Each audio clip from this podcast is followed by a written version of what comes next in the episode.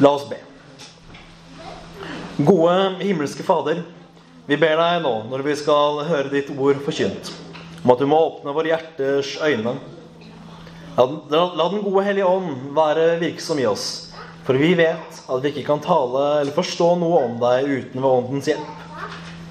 Veilede oss til en dypere forståelse av hvem du er. Amen. Hvem er denne villmannen som står og roper ute i villmarken? Denne mannen hvis åsyn knapt ligner et menneskes, der han eter gresshopper og villhonning. En mann så lurvete i sine klær at han må sies å være på grensen av hva man kan kalle sivilisert. Hvem er han? Han er Herrens profet. Guds budbærer. Ja, ikke bare budbærer, men en som aktivt skal berede grunnen for Herrens komme. Han er døperen Johannes. Og om han var det også profetert. Han virket ikke av seg selv eller i sin egen interesse. Herren hadde talt om dette ved profeten Jesajas munn for århundrer siden. En kraftig stemme skulle gå foran Herren og rydde hans veier.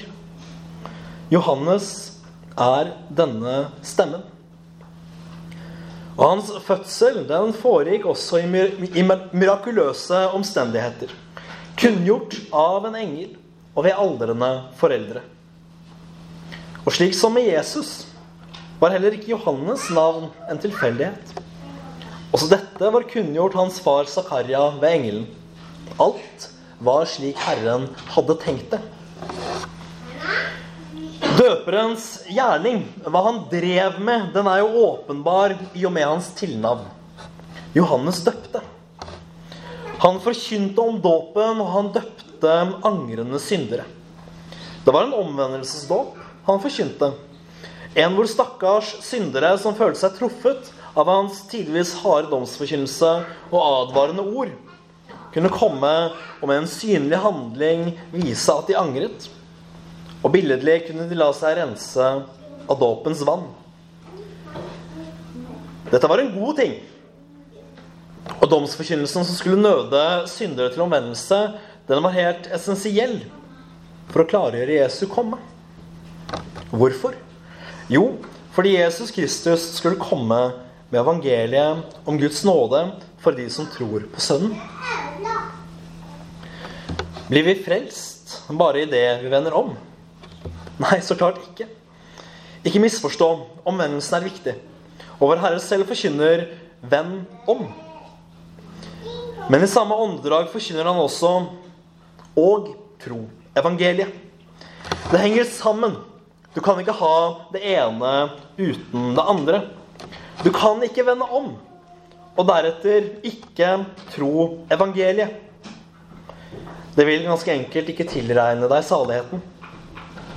Du kan heller ikke tro evangeliet uten å vende om fra din synd. Din tro vil være uvirksom. Omvendelse og tro, det går hånd i hånd. Dessuten hadde man kunnet hatt omvendelse uten tro. Da ville vi ganske enkelt ikke hatt behov for Jesus. Da kunne Johannes stått fram som nok en profet. Og det kunne blitt med det. Nei, denne gangen trengte den fordømte menneskeslekt noe mer.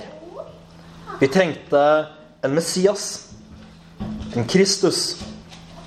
Vi trengte Jesus. Det er loven som fordømmer oss, som gjør at vi trenger frelsen. Loven er Guds krav til perfeksjon. Oppsummert i de ti bud og det dobbelte kjærlighetsbud. De ti bud kjenner dere jo, og kjærlighetsbudet likeså. Vi skal elske Herren vår Gud av all vår kraft og forstand. Ja, av hele vår sjel. Samt vår neste som oss selv. Snubler vi og synder om så bare mot ett av budene, ja, da er vår sjel faktisk fordømt til fortapelsens pine. Denne tunge virkeligheten den er for mye for en stakkars sjel å takle alene. Før Kristus så ledet dette til fariseisk selvrettferdiggjørelse. Man, hadde ingen kur for sjelens dype sykdom. Man måtte Man måtte holde alle budene. Eller overbevise seg selv om at man gjorde det. Slik, og bare slik, kunne man være sikker på frelsen. Den kristne sjel vet at dette er løgn. Vi trenger ikke gå lenger enn til det første bud for å vite at vi er syndere skyldige til dom. Frykter og elsker du Gud mer enn alt annet, og setter du din lit til ham i alt? Har du ingen andre guder enn Herren? Allerede her svikter vi. Vi er helt og holdent avhengige av nåde. Det er ikke til å komme utenom. Men det er også her at det er så salig og godt at vi har Jesus. For Johannes sto fram og forkynte omvendelse som ga forlatelse for syndene, ja. Og det er den samme forlatelse som vi får når vi bekjenner våre synder. Men den dåp Johannes forkynte, som ga denne forlatelse fordi man angret sine synder, det var en ufullkommen dåp. Og det som gjorde den ufullkommen, det var dette. Det var en dåp hvor det var synderen selv som var den handlende. Synderen hører loven forkynt i sin nådeløshet. Og i sjelens desperasjon vender han om. Han angrer sine synder, blir døpt og tar imot syndsforlatelsen.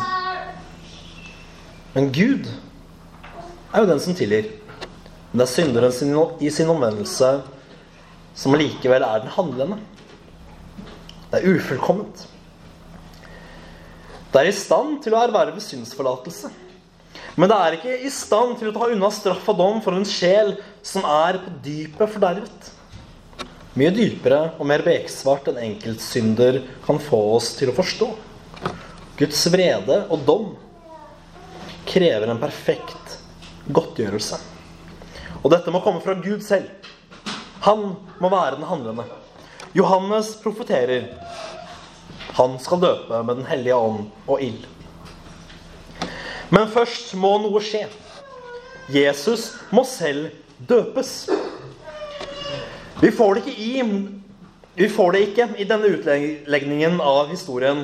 Men Sankt Matteus skriver i sitt evangelium at døperen motsetter seg å skulle døpe Jesus.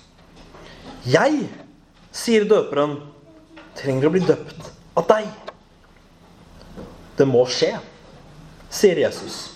Og slik blir det. Det er ikke urimelig av Johannes å vegre seg. Han kjenner sin Herre når han kommer, og han vet hvem det er. Guds Messias.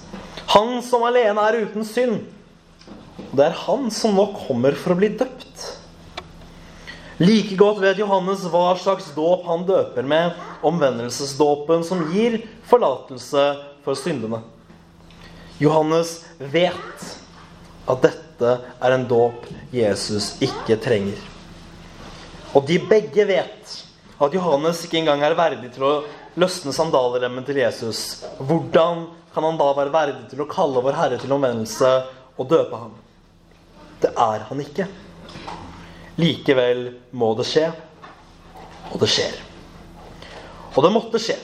Og Jesus sier igjen ved Sankt Matteus for å oppfylle all rettferdighet. Altså for å frelse menneskene så måtte dette skje. Derfor er det så viktig. Jesus, Guds egen sønn fra opphavet av, han som er uten synd, han må nå gå inn i synderes sted. Han må legge seg under synderes kår og bli en synder lik i alt. Han som aldri noensinne visste av synd, han skal nå bli synd for vår skyld. Alt dette skjer mens vi fremdeles er Guds fiender. Tenk for en salig omsorg den evige kongen har mot sine opprørsfiender. Det som skjer når Jesus døpes i Jordan, det er tofoldig. For det første legitimeres han med dette som Guds sønn. Stemmen lyder fra oven. Du er min sønn. Det er ikke til å ta feil av. Vi hører Gud Fader selv tale. Han har sin glede i Sønnen, og han lar det skje tydelig ved at han lar ånden dale ned over sønnen. Treenigheten er komplett. Dette er et viktig poeng, for her er det snakk om innvielsen til en dyp og alvorlig tjeneste. En fortapt menneskeslekt skal reddes. At mannen som skal døpes i Jordan, er menneske, det er det liten tvil om. Det er også nødvendig. Frelsen skulle komme slik det ble profetert om, komme fra jødene, fra et menneske. Like nødvendig var det derimot også at frelsen kom fra Gud. Derfor må Jesus være Guds sønn. Derfor er han det. Dette viser legitimeringen. Mannen Jesus Kristus er også Gud av evighet. Og Gud Fader har all sin glede i ham og i den offergjerning han har sendt for å utføre. Noen ord er også verdt å bruke om hva som ikke skjer idet Jesus døpes. Det finnes noen sekter og kjetter i verden i dag som hevder at Jesus først ble Kristus i dåpen. At han først ble Guds sønn i dåpen. At det var her det skjedde. At i Jordan ble Jesus salvet til å bli Messias og at det var her han ble istandgjort til å utføre tegn og under. Dette er fordømmende vranglære som alle sanne kristne bør rømme fra så fort de hører den. Jesus ga aldri, aldri avkall på sin guddommelighet. Han var og vil alltid være sann Gud og sant menneske. Treenighetens dype mysterium er at Fader, Sønn og Hellig Ånd alltid lever og råder i kontinuerlig relasjon og forhold med hverandre. En relasjon sektene mener var brutt fram til dåpen i Jordan. En relasjon en kristen kirke anerkjenner og bekjenner at aldri kan brytes. For da ville treenigheten opphørt å være treenighet. Men nok om det. Hva for godt budskap, hva for evangelium finnes det i alt dette for en sliten synder som er lei av å streve? Jo, det er hvilken salig dåp som innstiftes ved Jesu egen dåp. Det er dette. Jesus måtte, gå, Jesus måtte døpes for å gå inn i syndige menneskers kår. Samtidig skulle dette skje. Johannesdåpens ufullstendighet skulle gjøres fullkommen. Når Den hellige ånd kommer over Jesus i dåpens vann, da skjer en forening. Vann og ånd. Vann og ild. Alt forenes til én dåp. Jesus innstifter her den dåp han siden befaler disiplene å døpe med til den treenige Guds navn, Fader, Sønn og Hellig Ånd. Det finnes ingen annen dåp det er verdt å døpe med. For det er denne dåpen denne dåpen vi også har vært vitne til her i dag, som frelser, slik Sankt Peter skriver i sitt brev.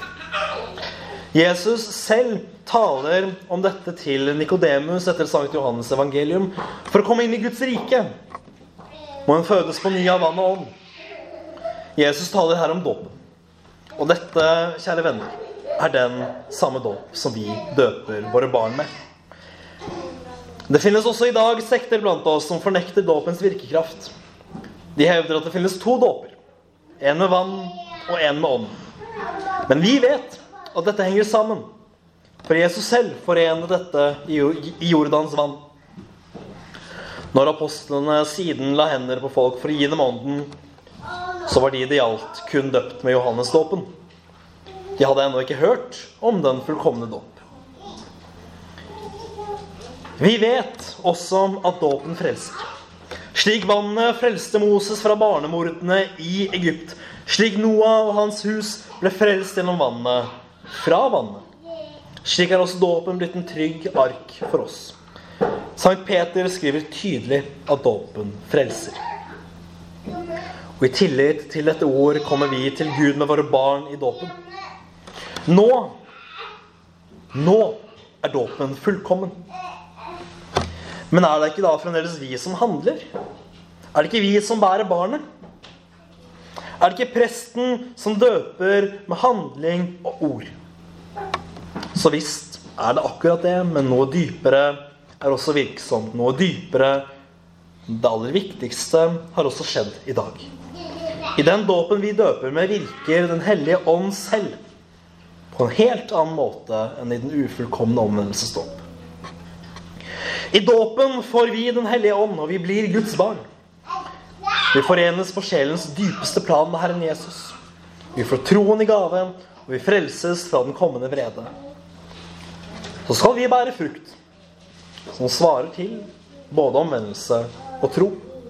Selv som døpte går omvendelse og tro hånd i hånd. Men vi er døpt. Og når livet stormer, når alt er kaos, når tvilens syndeflod truer med å sluke oss, ja, da kan vi stole på at Gud i dåpen har bygget oss en ark som vil tåle dette. Og det har han. Guds løfter er knyttet til dåpen. Jesus selv har forenet vann og ånd. Og Guds løfter kan aldri svikte. Han er trofasthet og sannhet. Og Gud være lovet for det. Ære være Faderen og Sønnen og Den hellige ånd, som var, er og blir en sann Gud, fra evighet og til evighet. Amen.